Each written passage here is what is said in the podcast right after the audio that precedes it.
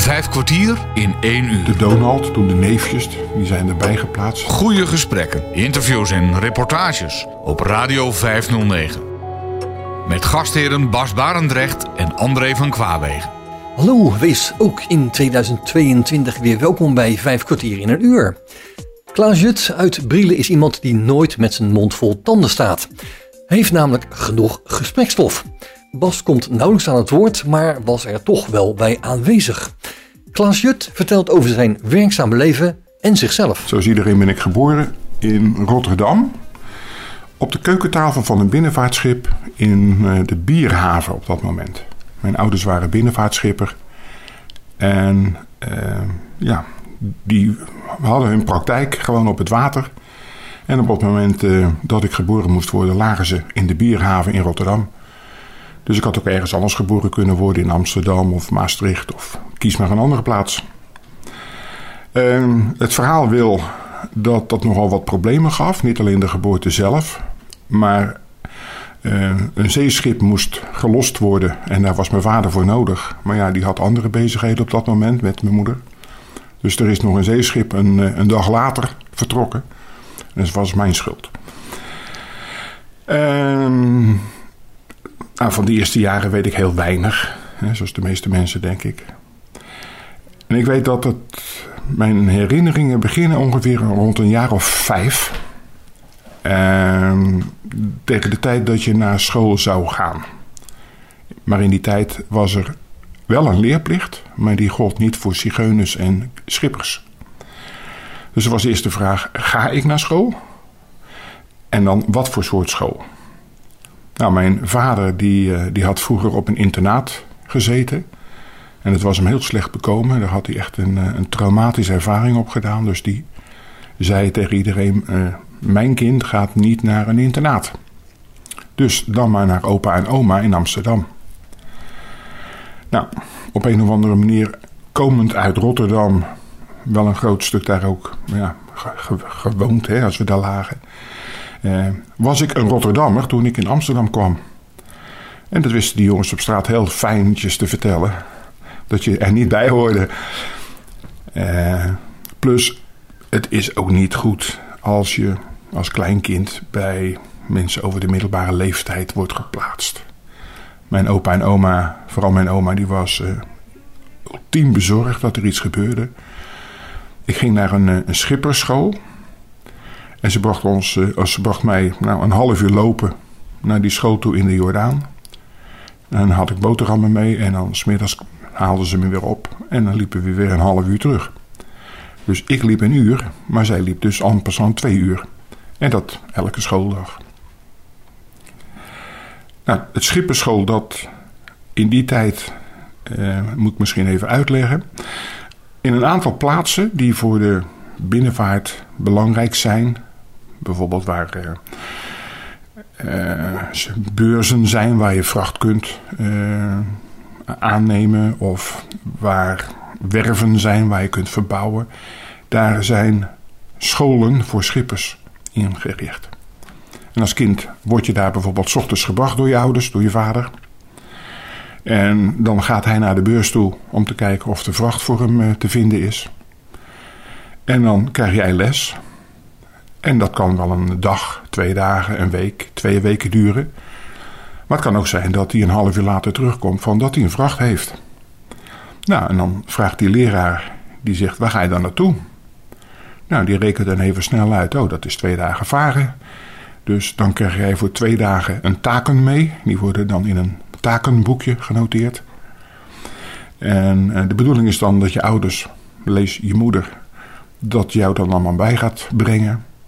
En als je dan in die nieuwe plaats komt, dan pakt die leraar die pakt dat takenboekje en die zegt: Ah, jij hebt lesje zoveel uh, moeten doen.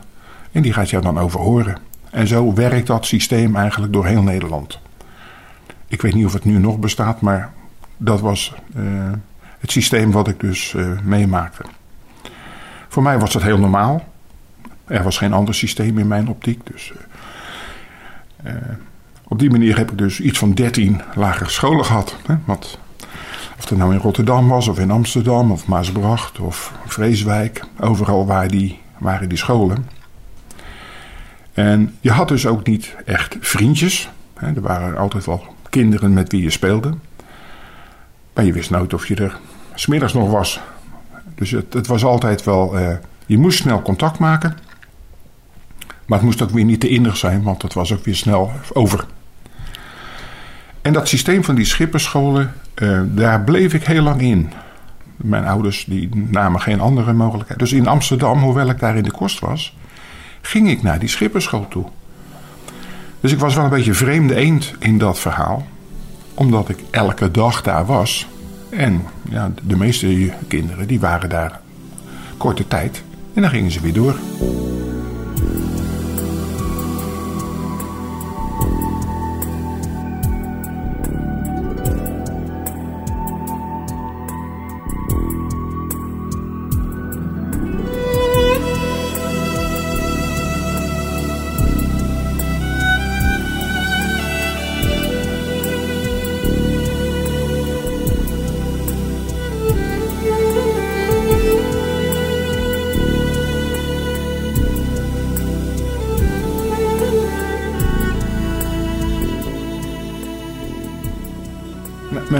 Opa en oma heel erg bezorgd om me. Uh, bijvoorbeeld, ik, ik mocht natuurlijk niet alleen door Amsterdam lopen. Maar er waren ook zwemlessen. Dat was toch wel een uitzondering uh, in Amsterdam. Maar daar kon ik niet aan meedoen, want ik had geen zwembroek. en die gaan we natuurlijk ook niet kopen, want het risico dat je zou kunnen verdrinken is niet nul. En als je dus niet gaat zwemmen, kun je ook niet verdrinken. Dat was het gedachte. Nou, eigenlijk was dat niet een ideale situatie. Dat begrepen mijn ouders ook. Dus toen gingen ze op zoek naar een andere mogelijkheid en kwam ik in de kost bij verre familie. En, uh, een, een, een, een, broer van mijn, uh, van mijn oom. Die had ook kleine kinderen. Dat waren ook ex-schippers. Die waren dus uh, aan de wal gegaan, zoals dat heet. Die werkten bij gemeentewerken Rotterdam in de haven.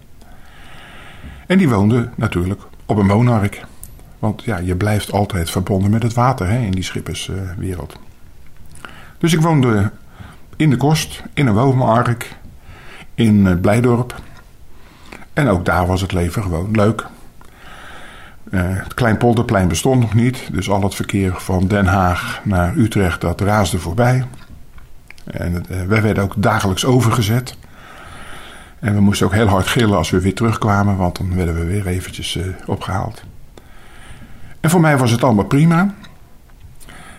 Toen ging ik wel naar een school, zeg maar, die uh, voor, voor walmensen bedoeld was. En in de vakantietijd dan uh, ging ik naar mijn ouders toe. En die, die waren in Rotterdam en dan werd ik afgezet of uh, ik kreeg een treinkaartje en ik werd op de trein naar Utrecht gezet, waar ik dan werd opgehaald. En het meest uh, spectaculair is dat ik een keer in Keulen werd opgehaald. Dus dan uh, was je met een jaar of acht, had je een paspoort en een kaartje waar je naartoe moest. En je ging onderweg gewoon. Ik denk niet dat je met de huidige beeld dat nou gewoon zou noemen. Maar voor mij was dat niet bijzonder. Uh, ik ben er ook gekomen hè, in, uh, in Keulen. Nou, uh, het ging allemaal goed in, in Rotterdam. er waren natuurlijk altijd wel huiselijke strubbelingen. maar als ik dan aan boord was, dan, ja, dan las ik heel veel. Dat was een hobby van me. En mijn ouders hadden ook al snel door dat ik, er zat geen schipper in me. Ik wist niet of we leeg of geladen waren. Dat is toch wel het eerste wat je moet weten. Uh, maar ik moest wel helpen als we aan boord waren. Dus, uh, en helpen, dat, uh, nou, dat, dat zat wel eens tegen kinderarbeid aan. Als er bijvoorbeeld uh, de watertank, die werd dan schoongemaakt. ze hadden dus een tank waar dus drinkwater in werd opgeslagen. Maar ja, daar zit altijd een soort bezinksel in. En nou, na verloop van tijd moet die tank worden gereinigd. Die zit natuurlijk op een rotplaats. En dat mangat is meer een jongensgat. Dus het was ideaal dat ik dan die tank in ging en ja, die tank ging reinigen. Het was niet gevaarlijk, maar het was wel ja, vervelend werk. En uh, ook nog kleppen schuren hè, van de, de, motor. Die motor die werkt prima, maar op een gegeven moment vindt daar allemaal ja, koolstof eh, die gaat eraan hechten. En dan moet je af en toe eens die kleppen weer reinigen. Nou, met een 12 cilinder zijn er genoeg kleppen. Dus er zijn er ook een paar voor jou. Dus zo werd ik meegenomen in het ambacht van binnenvaartschipper. En ja, ik, had geen andere referentie. Voor mij was het gewoon. Nou, mijn, eh, mijn zus, die is drie jaar jonger dan ik. Die ging eigenlijk dat traject ook in. Ook bij dezelfde mensen in de kost. Maar die had vreselijk heimwee. En, en daar kun je echt ziek van worden. Die lag echt nachten te huilen. Het ging niet goed met haar. En op een gegeven moment zagen mijn ouders dat ook in. En eh, toen heeft mijn vader het besluit genomen: ik stop met zelfstandig schipper zijn. En uh, ik ga aan de wal. Het was wel een beetje jammer, vonden wij. Want uh, was die in de eerste jaren binnenvaartschipper met vracht. En dat moet je denken aan, uh, aan graan of boomstammen of piekijzer of uh, copra, kokosnoten, schillen. Of nou ja, zelfs een, uh, een brug die van een constructiebedrijf naar Groningen werd vervoerd, rechtop. Ehm, was die overgegaan naar de passagiervaart. Dans le port d'Amsterdam,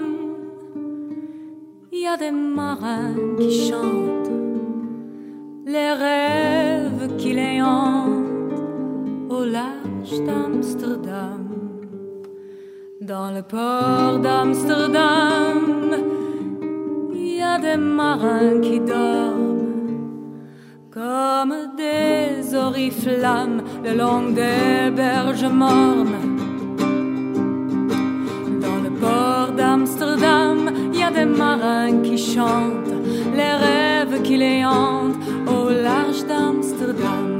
Dans le port d'Amsterdam, il y a des marins qui dorment comme des oriflammes le long des berges mornes. Mais dans le port d'Amsterdam, il y a des marins qui meurent, pleins de bière et de drames, aux premières lueurs. Mais dans le port d'Amsterdam, il y a des marins qui naissent dans la chaleur épaisse, le longueur berge morne. Dans le port d'Amsterdam, il y a des marins qui mangent sur des nappes trop blanches des poissons ruisselants. Ils vous montrent des dents à croquer la fortune, à décroiser la lune, à bouffer des haubans. Et ça sent la jusque dans le cœur des frites que le grosse main invite à revenir en plus dans un bruit de tempête, referment leurs braguettes et sortent un rotin.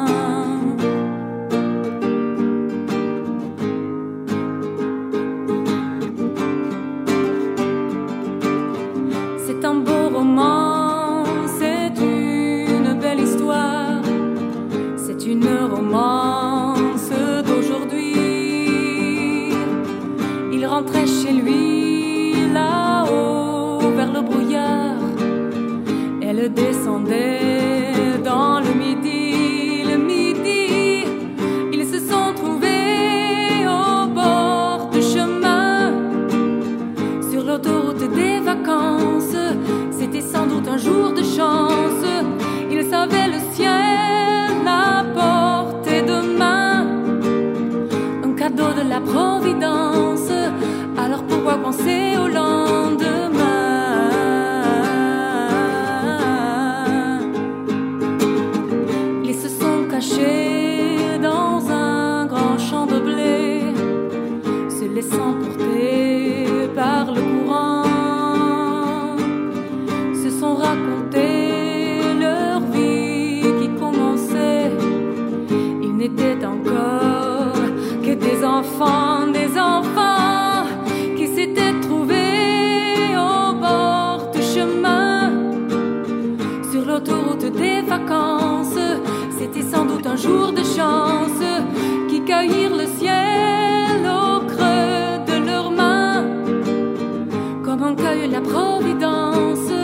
Refusant de penser au lendemain.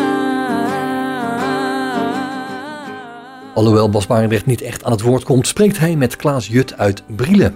En die heeft genoeg gesprekstof. Vijf kwartier in één uur op Radio 509. Maar mensen die kregen wat vakantiegeld, die kregen wat vakantiedagen.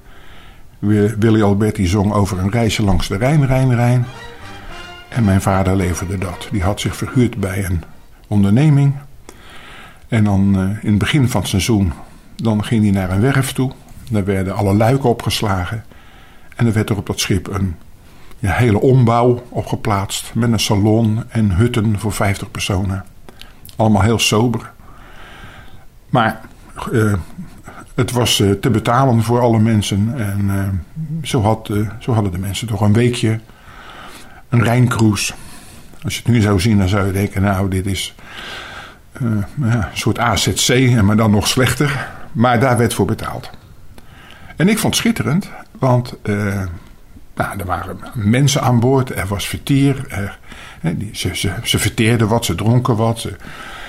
Ze, vroegen van, joh, leef je hier aan boord? Dus ja, middelpunt eh, van de belangstelling, daar genoot ik wel van. Uh, aan de wal daar uh, had ik ook mijn adresjes. Dus als we ergens kwamen, dan wist ik precies waar die ijsko-venter stond. Die gaf mij natuurlijk onmiddellijk een ijsje gratis. Want als ik dan luid likkend aan boord kwam, dan zei iedereen: Waar heb jij dit ijs gekocht? En zo bezorgde ik hem klandizie. En er waren ook wel genoeg kroegjes waar ik gratis limonade kreeg. Vanwege de klandizie. Hè? En als de mensen dan naar huis gingen, dan sjouwde ik hun koffers. En kreeg ik hun wisselgeld. Een paar, paar pfennig, een mark. Maar bij elkaar was dat wat meer dan ik vroeger kreeg. Dus het passagiervaren, dat vond ik wel uh, mooie business. Maar goed, mijn zus die, uh, die ging aan de wal in. We praten over 1962, ik was toen tien. En toen kwam ik uh, ja, echt een keer op een walschool. Ik heb ook nog eens een keer op een, een Franse school gezeten, L'École Wallogne in Rotterdam. Dat was door omstandigheden. Er moest even snel een school gevonden worden en dat was een soort internationale school. Alles werd in het Frans gedaan. Dus al heel jong heb ik Frans moeten leren dat moet je wel bijhouden hoor, want anders uh, verwatert dat. Maar... Dus als je mijn papieren ziet van de lagere school, um, dat is niet helemaal begrijpelijk. Maar de wereld was toch wel vrij groot. Ik ben, schiet me te binnen, bijvoorbeeld gedoopt in, in Duitsland. Je, je, vaart een keer langs, je leest dat er een doopdienst is. En hup, je neemt je kind mee en je laat het dopen. Zo makkelijk was het. Nou, in Rotterdam aangekomen. Mijn vader die vond een baan bij, de, bij het havenbedrijf. Uh, bij de pijldienst. Daar hebben ze bootjes die de diepgang van de havens en de waterweg controleren. Nou, dat was zijn, zijn werk. Dus die was iedere dag wel op het water. En ik ging netjes naar school toe. Um, de gedachte was, nou, HAVO of uh, MULO toen of HBS. Alleen voor HBS moest je dus nog uh, op, op, uh, op, woensdagmiddag nog extra lesjes volgen. Maar ja, woensdagmiddag was voor het voetballen en niet voor extra lesjes. En ik ben dus naar de, naar de MULO gegaan. Nou, de overgang was ook niet zo best, dus gelijk blijven zitten, de eerste klas. Nou, fijn, eindelijk na wat, wat moeizame jaren afgemaakt. Toen ben ik naar de MTS gegaan, elektrotechniek. Dat was de mooiste school die ik ooit heb meegemaakt. En dat heb ik twee jaar gedaan. En toen dat praktijkjaar zou beginnen, toen ben ik naar de HTS gegaan. In de tussentijd had ik ook al verkering gekregen met wat nu mijn vrouw is, Dini. Dus we hebben een vrij lange verkeringsperiode gehad. Eigenlijk van uh, nou, de examenklas van de middelbaar onderwijs tot aan uh, de examenklas van uh, de HTS, waar ik, op, waar ik afgestudeerd heb. Nou, toen in militaire dienst en daar zijn we getrouwd. Nou, netjes militaire dienst afgemaakt. Dan mocht ik vaandrig zijn. Dus ook nog wel wat verhalen meegemaakt, maar dat zijn de bekende dienstverhalen die elk jaar mooier worden, zegt Dini. En op het eind van die periode heb ik een, uh, een foldertje gemaakt van ik ben Klaas en ik zoek dit werk. En ik had in ja, wat personeelsbladen bekeken en dat had ik gestuurd naar bedrijven die mensen zochten. En van die tien brieven heb ik zes reacties gekregen. Kom eens praten. Dus dat was toch wel goed. Ik ben bij Kroon Co. begonnen. Dat zit op de Schiemond in Rotterdam. Dat is een installatiebedrijf. En daar werkte ik net een maand tot ik bericht kreeg van het energiebedrijf van uh, heb je soms zin om bij ons te komen werken? Nou, dat was in uh, nou, begin december. Alle gesprekken, alle toetsen, alle testen, alle medische en psychische keuringen zijn allemaal geweest. En ik had zo'n beetje op de laatste dag van december een aanstelling dat ik bij het energiebedrijf kon werken. En toen heb ik eigenlijk schriftelijk aangetekend mijn ontslag genomen bij Kroon.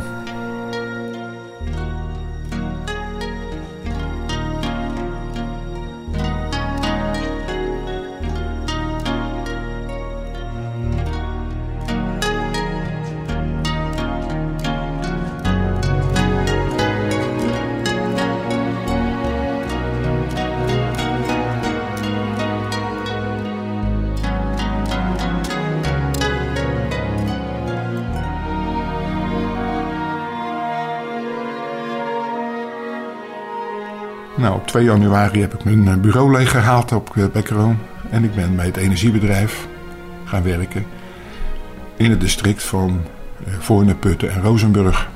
Dus hier in Brielen. En mijn functie was ontwerper van elektriciteitsnetten. Nou, dat had ik nog nooit gedaan, maar zoals zo iemand zei van nou, als je het nog nooit gedaan hebt, dan kun je het waarschijnlijk heel goed. Dus ik heb uh, dat jaren mogen doen. Uh, in, op Voorne Putten waren twee belangrijke acties aan de gang. Spijkenisse en uh, een gedeelte Hellevoetsluizen waren Phoenix-locaties. Dus er werd vreselijk veel gebouwd. En er was een ruilverkaveling aan de gang. Dus heel veel wegen werden opnieuw ingericht. En dat betekende dat vaak het bovengronds net moest verdwijnen. Dat je de kans had om, nou ja, het elektriciteitsnet opnieuw te beschouwen, eh, opnieuw in te richten en dus ook zo te laten uitvoeren. Er was nogal veel werk. Na verloop van tijd, een jaar of zes, zeven, toen begon het een beetje te kriebelen. Het begon steeds meer op corvée te lijken. De, de, de nieuwe dingen die waren kwamen steeds minder vaak voor. Je had alles al eens een keer meegemaakt. En nou, er begonnen wat problemen in de arbeidsrelatie te ontstaan. Ik wilde meer dan dat ik toegestaan werd. Nou, toen kwam er een, eh, een nieuwe baas. En die zei tegen mij: Jij moet hier gewoon weggaan. Dit is te klein voor jou. Jij, jij, zoekt, jij hebt een uitdaging nodig en dat, dan moet je naar het hoofdkantoor. Nou, zo gezegd, zo gedaan. Toen ben ik ontwerper geworden van hoogspanningsnetten. En dat was een beetje een bijzondere afdeling. Niet alleen dat het uh, hoogspanning was, maar alles wat uh, ingewikkeld was, nieuw was, wat ze niet snapten, werd in die afdeling gepropt. Het, de naam was ook speciaal ontwerp. Maar... En op de dag dat ik daar kwam, toen uh, was de Sixmaster, de windmolens die op de Maasvlakte stonden, daar was de bovenkant afgewaaid. Dus dat was gewoon een viermaster geworden. Dus ik viel met mijn neus in de boter. Hoe kan dat? Wat moeten we doen? Hoe zit dat? Nou, alles wetend van windmolens. Maar ja, net zoveel als van elektriciteitsnetten zijn we er maar eens aan begonnen. En in die tijd heb ik heel veel eh, mogen doen. Windmolens mogen plaatsen. Uh, de Donald, dat was de eerste dan. Hè. Uh, toen de neefjes, die zijn erbij geplaatst. Dat waren de namen die we ze aangeven. En toen later nog een stuk of tien langs, de, langs het strand van de Maasvlakte. Vijf kwartier in één uur. Bas Barendrecht spreekt bij je vijf kwartier in een uur met Klaas Jut uit Brielen. Zo hoorde je dat hij in Rotterdam werd geboren als schipperskind, maar al snel besefte dat het schippersleven niets voor hem was. Hij belandde bij het energiebedrijf, waarbij hij onder andere windmolens mocht plaatsen op de Maasvlakte. Op Radio 509. In die tijd werd het ook gegund voor elektriciteitsbedrijven om energie op te wekken. Hè, waren eerst de centrales apart gegaan. Toen eh, kwam er weer een wijziging van beleid en toen mocht het weer. Dus kleinschalig. Dus ik was projectleider van een warmtekrachtkoppeling in Blijswijk. Nou, ook heel veel geleerd. Want ja, als je het nog nooit gedaan hebt, dan kun je heel veel leren. En eigenlijk ben ik uh, steeds regelmatig gevraagd binnen het bedrijf: joh, we hebben, uh, we hebben dit, kun jij daar eens naar kijken? Uh, we gaan reorganiseren, zou jij dit op kunnen pakken? Dus ik geloof dat ik iets van 12 of 13 functies gehad heb. Haast allemaal als leidinggevende. Maar dan kreeg je ook vaak nog wel eens een deelproject erbij. En dat waren niet de minste. Ik, ik ben projectleider geweest van uh, stadsverwarmingsproject. Nou, daar had ik dus ook helemaal geen verstand van natuurlijk. Als elektroman. Maar van de kop van Zuid, daar was met een zinker de stadsverwarming gekomen. Dus op de Wilhelminekade. En die heb ik door mogen trekken tot aan Ahoy. En onderweg een aantal belangrijke gebouwen op aangesloten. Dus Ahoy, Zuidplein, het Icasia ziekenhuis, het zwembad, dat soort grote panden. En dat ging omdat ze hadden vaak nog oliestook.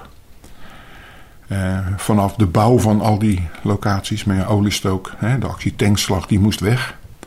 En was de keus, gaan we gas of gaan we stadsverwarming doen? Nou, de keuze viel meestal wel gunstig voor de stadsverwarming. Dat hadden we commercieel zo gemaakt. Dus uh, stadsverwarming gemaakt. En passant ook. Uh, je kunt er ook koeling mee maken. Met, uh, met absorptiekoeling. Net zoals je een koelkast op gas kunt laten draaien hè, in een caravan.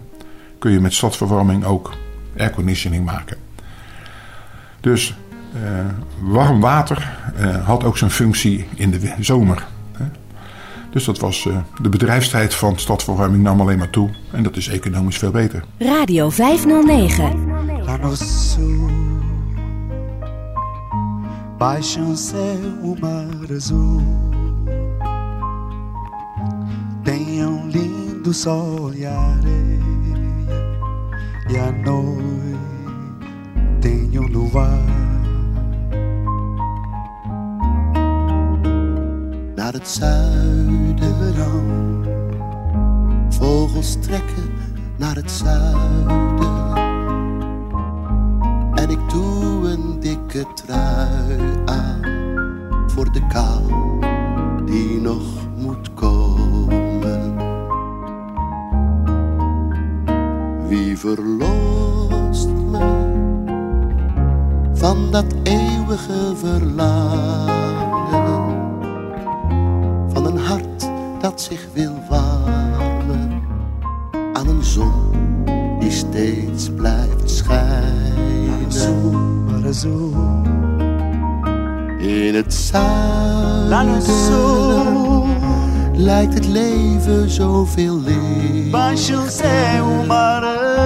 Wij kwamen ieder jaar weer dichter tot elkaar in het zuiden.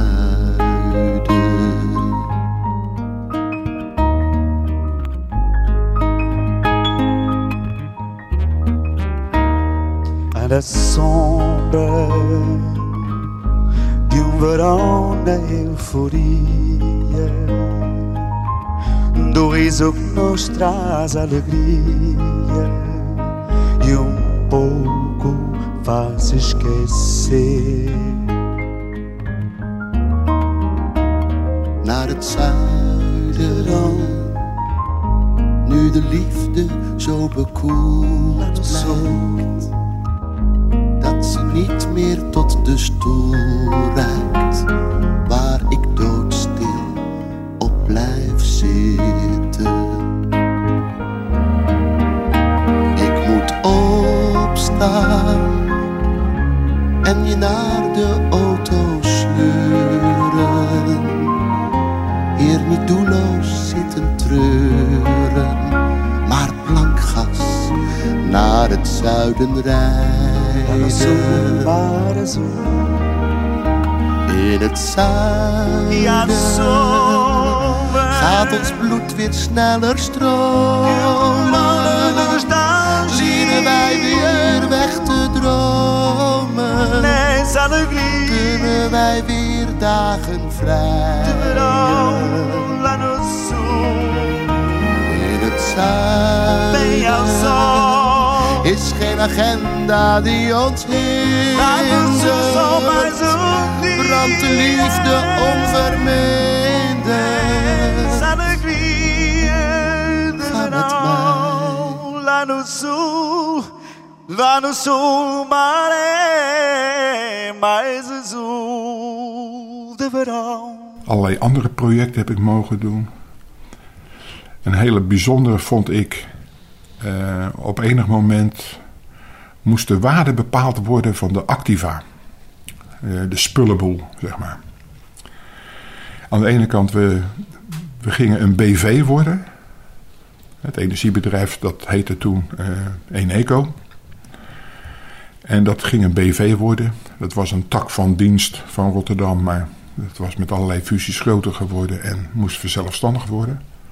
En omdat de, de belasting die wil weten van joh, hoe groot is jouw spullenboel, want daar wordt de belasting op geheven, moest dat in kaart worden gebracht. En tegelijkertijd was er een project eh, met Amerikanen van sale and lease back. De Amerikanen konden bijvoorbeeld het net kopen en dan huurden wij dat voor 20 jaar. En dan kochten wij het weer terug. Maar in die transactie daar was eh, een belastingvoordeel te halen door die Amerikanen. En dat werd dan netjes eh, verdeeld onderling. Dus het was vreemd. eh, ik moest dus hoeveel spullen heb je? Hè? Hoeveel meters kabel, hoeveel meters buis? En wat is dan de vervangingswaarde van elke meter? Maar ook hoeveel kilowatturenmeters zijn er en hoeveel stations en hoeveel gebouwen. En nou ja, bedenk maar wat er allemaal is. En voor de ene tabel eh, moest dat heel laag blijven, want je moest er belasting over betalen. En voor de andere tabel moest het eigenlijk wel heel hoog worden, want dan kreeg je meer geld op. Dat is een beetje een spagaat, maar dat hebben de, de mensen van de Treasury wel opgelost. Ik hoefde alleen maar te tellen. En te rekenen wat de kosten waren. Ehm, een van de laatste dingen die ik gedaan heb. eh, ik heb vanuit mijn ervaring met het ontwerpen van het hoogspanningsnet. Was ik een van de mensen die dus ook een beetje verstand had van hoogspanning. Hebben ze mij de leiding gegeven over die afdeling. En dan praten we dus ehm, over alles wat er in Den Haag en in Dordrecht en in Rotterdam was. Dus inclusief ook eh, alles Europort Botlek. Dat viel allemaal in die afdeling. Dat waren natuurlijk vroeger drie bedrijven geweest. Met drie culturen, met drie werkwijzen. Die allemaal natuurlijk eh, perfect en eh, ideeel waren. En die moest ik dan proberen samen te smelten tot één nieuwe afdeling. Nou, dat is best, eh, best wel ingewikkeld. En, en de, wat ik merkte, dat je hebt met dat soort werk niet zo erg veel aan elektrotechniek. Je weet waar ze het over hebben. Maar ze zijn in hun vak altijd beter dan jij, want ze hebben daar meer ervaring in. En je zou veel beter gebeld zijn met eh, sociologie of pedagogiek of gewoon een menswetenschap. Want hoe kun je mensen stimuleren, motiveren, zorgen dat ze voor hetzelfde doel allemaal willen werken? Dat is eigenlijk veel belangrijker dan weten hoe de wet van Ohm in elkaar zit. Maar goed, aldoende eh, leer je. En dan denk ik dat eh, nou, binnenvaartschippen wel een ideale bodem is. Want er is niks zeker in de wereld. Dus je staat altijd open voor, nou ja, wat komt eraan? Wat kun je ermee doen? En dat heb je tijdens je werk ook. Uh, met die windmolens. Ja, weet jij veel wat er moet gebeuren. Er zijn geen wetten, er zijn geen normen. Er is niet iets waar je op terug kunt vallen. Dus uh, nou, gewoon gezond Jan fluitjesverstand. En we gaan maar beginnen, dan, uh, dan kom je wel een eind. Een van de laatste dingen die ik gedaan heb. Dus ik heb altijd een beetje tussen um, lijnfunctionaris gezeten, wat ik het leukste vond. Dus werken met mensen. Zorgen dat mensen die, uh, als ze zoek werden, dat ze dan weer snel weer aan de slag konden. Dat ze dat met, uh, met plezier gingen doen. kreeg je ook projecten. Soms, zoals die stadverwarming. Maar soms waren het nog grotere projecten.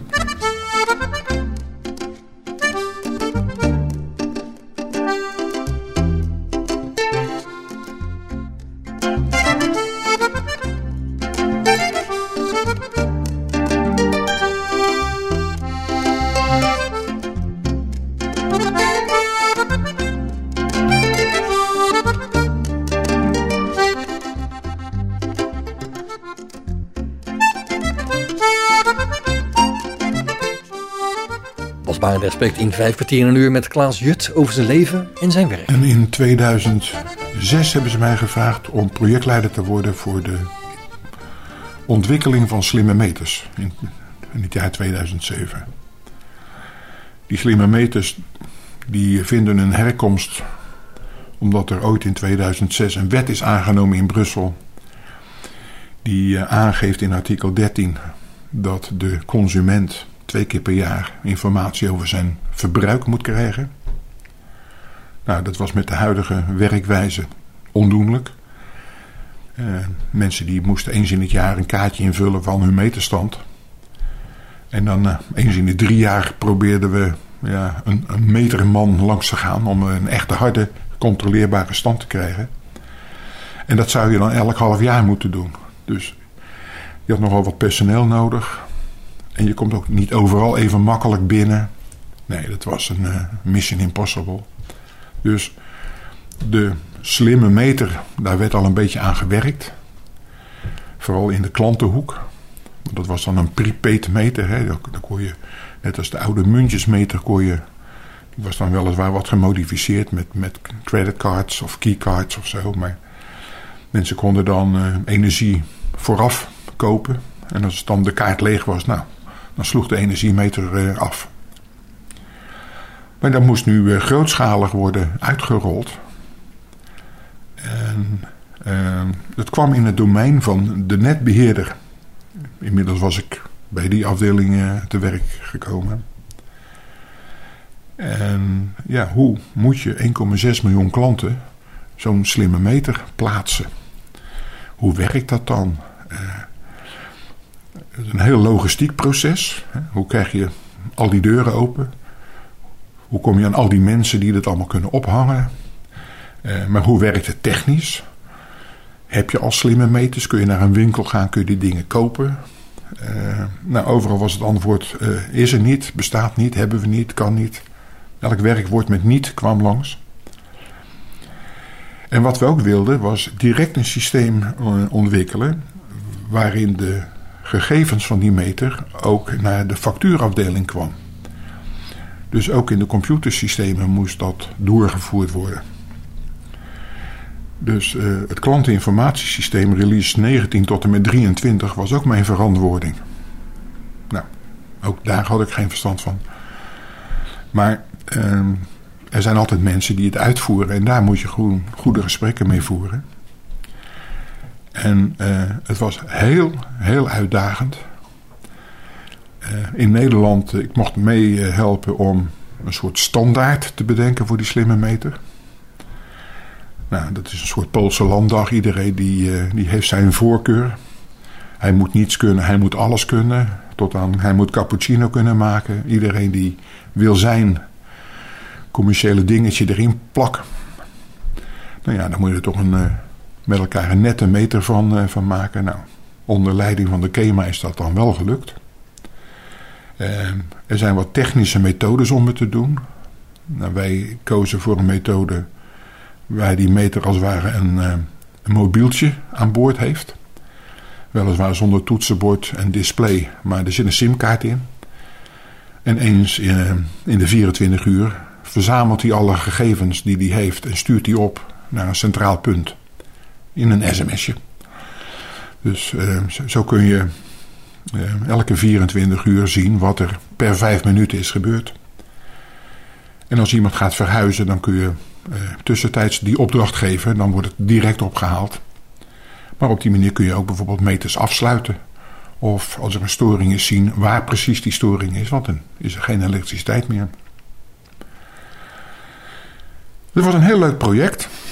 Um, Maar in 2007, een beetje op het eind, toen ging er een hele discussie in de Kamer lopen over privacy.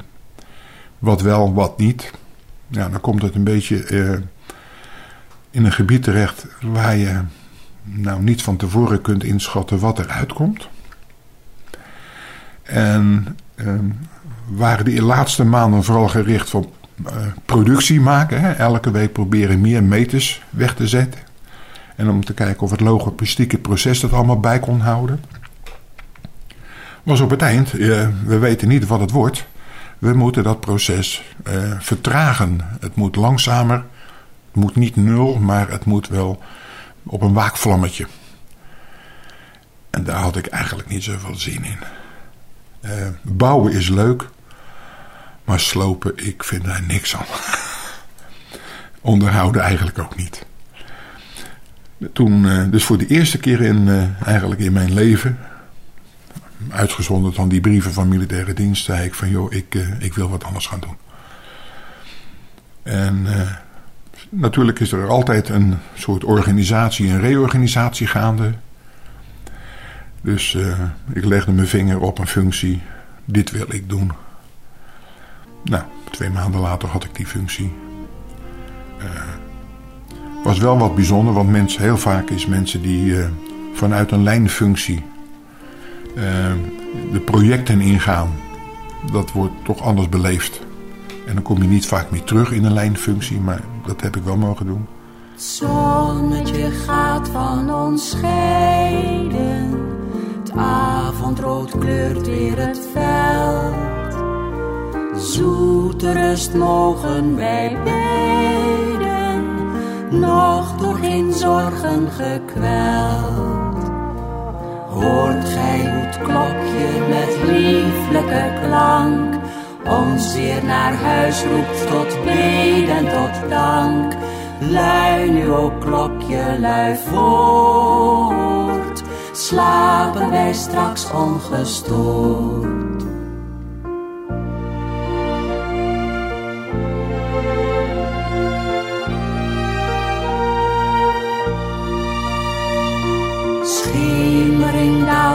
Op de avondster glanst weer van ver. Straks staat Gods naam weer geschreven, schitterend in sterren bij ster. Hoort gij het klokje met lieflijke klank ons weer naar huis roept tot beden, tot dank. Lui nu ook klokje, lui voort, slapen wij straks ongestoord.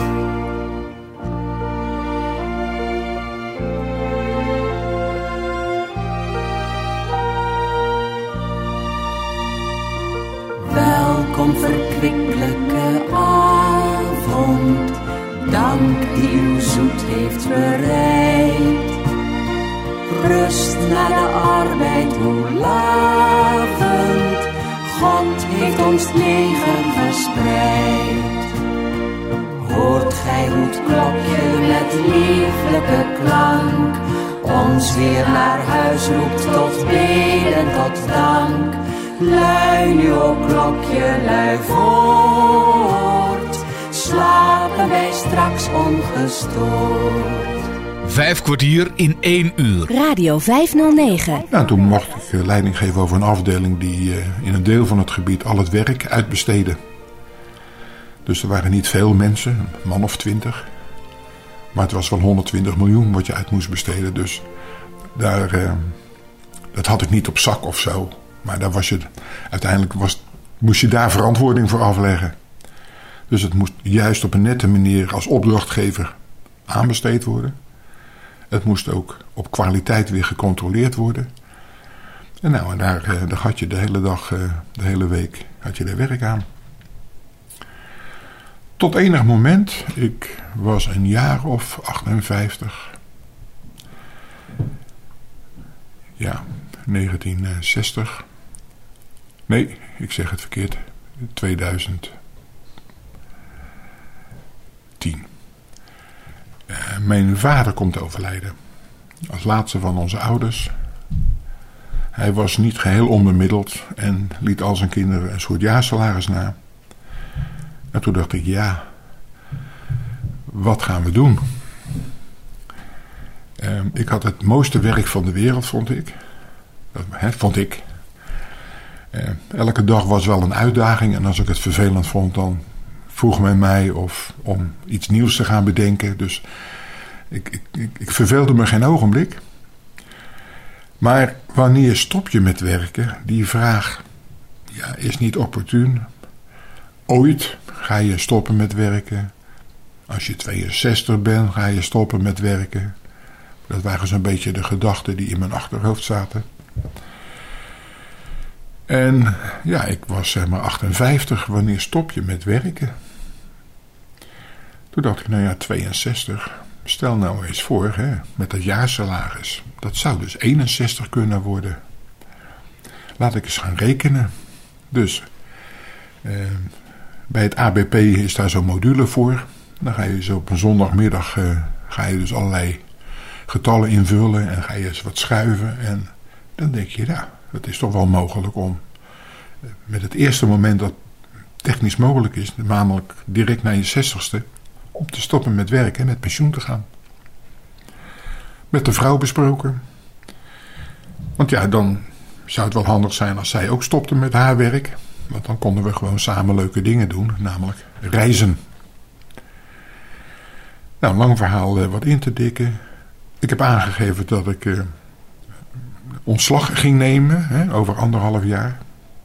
Eerst dacht men van nou, uh, hij wil een dagje minder werken of zo. Ik zei nee, want het is zo leuk werk, dat red ik niet in 40 uur, dus een dag minder. Dan zit ik mezelf alleen maar in de stress te werken. Dat gaan we niet doen. Maar ja, Klaas, wat wil je dan? Ik zei, nou, ik wil elk kwartaal vier weken op vakantie. Ja, dat wil iedereen wel. Ik zei, ja, maar ik ga doen. Um, dus toen helder werd dat ik dus echt met ontslag uh, zou nemen met mijn zestigste. Toen hebben ze nog een, uh, een laatste activiteit gevraagd om te doen. Dat is een aannemer selecteren en gereed maken die al het werk van een energiebedrijf over kan nemen. Was het zo dat het energiebedrijf eigen monteurs had en er vooral een interne aannemerij was, van opdrachtgever naar opdrachtnemer, die monteursafdeling. Maar ja, het is toch een beetje broer-zus verhouding. Zo wilden we eigenlijk de marktwerking opzoeken door de aannemers die er buiten bestaan, ook dat werk rechtstreeks te geven. En dat, we hebben daar een, eh, een eiland voor geselecteerd, een bepaald gebied, Goeree-Overflakkee. De keuze viel op het energiebedrijf Delta. Dus dat, ja, een beetje voorzichtig, dat, die zouden toch dat werk moeten kunnen. Het is niet helemaal uh, zo mariensblauwe hinein. Maar eh, dan blijkt dat dat toch wel lastig is, want heel veel processen worden door de ICT ondersteund. Je kunt ook wel eens zeggen dat alle processen ICT gestuurd zijn en dat er op het eind mannetjes en vrouwtjes zitten die het moeten uitvoeren. Dus als een klant een elektriciteitsaansluiting vraagt, doet hij dat via internet. En uiteindelijk gaat dat via allerlei internetkanalen, komt het bij een monteur terecht die het moet gaan uitvoeren. Daar zit niet veel meer tussen. Dus nu moest ja, er een terminal komen bij een ander bedrijf. En die moest dan ook snappen wat er uitgevoerd moest worden op de manier zoals het dan gewend was.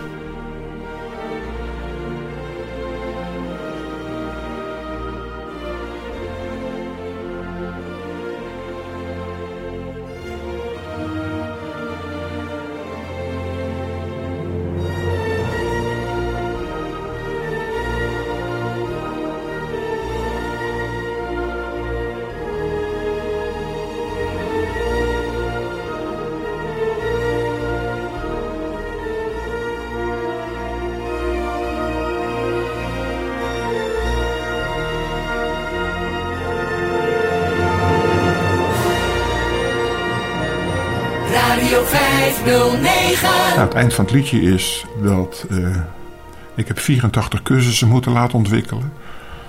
Om alle processen uh, te kunnen laten doorlopen naar Middelburg toe.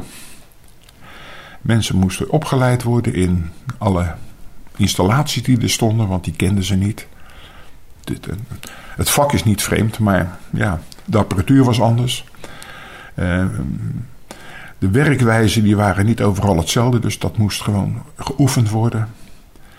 Dus heel veel mensen moesten naar cursus, die moesten naar school. Eh, veiligheid werd eh, opnieuw tegen het licht gehouden. Want je moet aantoonbaar zeg maar, bepaalde veiligheidsregimes hanteren. En natuurlijk was de veiligheid bij Delta ook wel goed. Maar je kon het niet aantoonbaar voor het energiebedrijf Eneco ook wel uh, aangeven. Dus het heeft nogal wat, uh, wat voeten in de aarde gehad. Dat heeft al met al een, een maand of zeven, acht geduurd.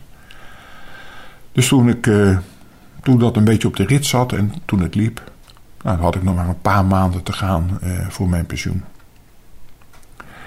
Nou, ik heb ook nog een, een, nieuwe middenspanning schakelinstallatie mogen implementeren.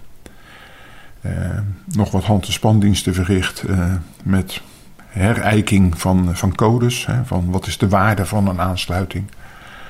En toen ben ik heel gelukkig en heel netjes ben ik, heb ik het bedrijf verlaten. Ik heb een heel mooi feest gehad. ik dacht, het was niet in de kantine, maar het was ergens in een restaurant. Mocht ik wat, zouden ze voor me wat, wat regelen. Moest een lijstje aanleveren van, uh, van mensen die ik wilde uitnodigen. Ik zeg, hoeveel mogen er komen? Ja, kijk maar. Dus toen dacht ik, ja. Dus alle mensen die nog werkzaam waren en, en waar ik echt uh, nou, intensief mee gewerkt had, die heb ik toen uitgenodigd. het waren 160 man. Nou, daar werd niet nerveus over gedaan en er zijn er dikke honderd van geweest. En dat was wel heel netjes. En toen was ik met pensioen. Drie, drie maanden later zou mijn vrouw uh, stoppen met werken. Dat, zouden we een beetje dakpansgewijs uh, gaan regelen. En voor het eerst in mijn leven uh, kreeg ik dromen. Ik miste mijn collega's. Ik miste eigenlijk het intensieve werk met mensen. En heel vaak had ik dromen die normaal waren of heel, heel bizar. Maar eigenlijk waren ze werkgerelateerd terwijl ik geen werk meer had. Ja, het was wel een hele bijzondere moment in mijn leven. Maar is over hoor. Dat, uh, ik ben nu heerlijk gewend. Dus nu al vijf jaar met pensioen. En in die tijd hebben we samen heel veel reizen gemaakt. Maar ik heb ook een tweetal reizen met een, met een maat van me, een oude schoolvriend. Als het lichamelijk wat zwaarder werd, dan, dan ging ik met hem op reis. Dus dat, dat is ongeveer de situatie van nu. Dit was Klaas Jut uit Den Briel. Ik bedank je, mede namens Bas Barendrecht, voor het luisteren. En heb je nog vragen of opmerkingen? Of wil je zelf wel eens aan het woord komen? Of ken je iemand die je graag aan het woord zou willen laten? Dan kan je een mailtje sturen naar bas.radio509.nl dit programma is overigens ook te beluisteren via de podcast van Radio 509. Geniet van de rest van deze dag, blijf luisteren naar Radio 509 en tot een volgende keer. Vijf kwartier in één uur is een programma van Bas Barendrecht. Techniek André van Kwaabegen.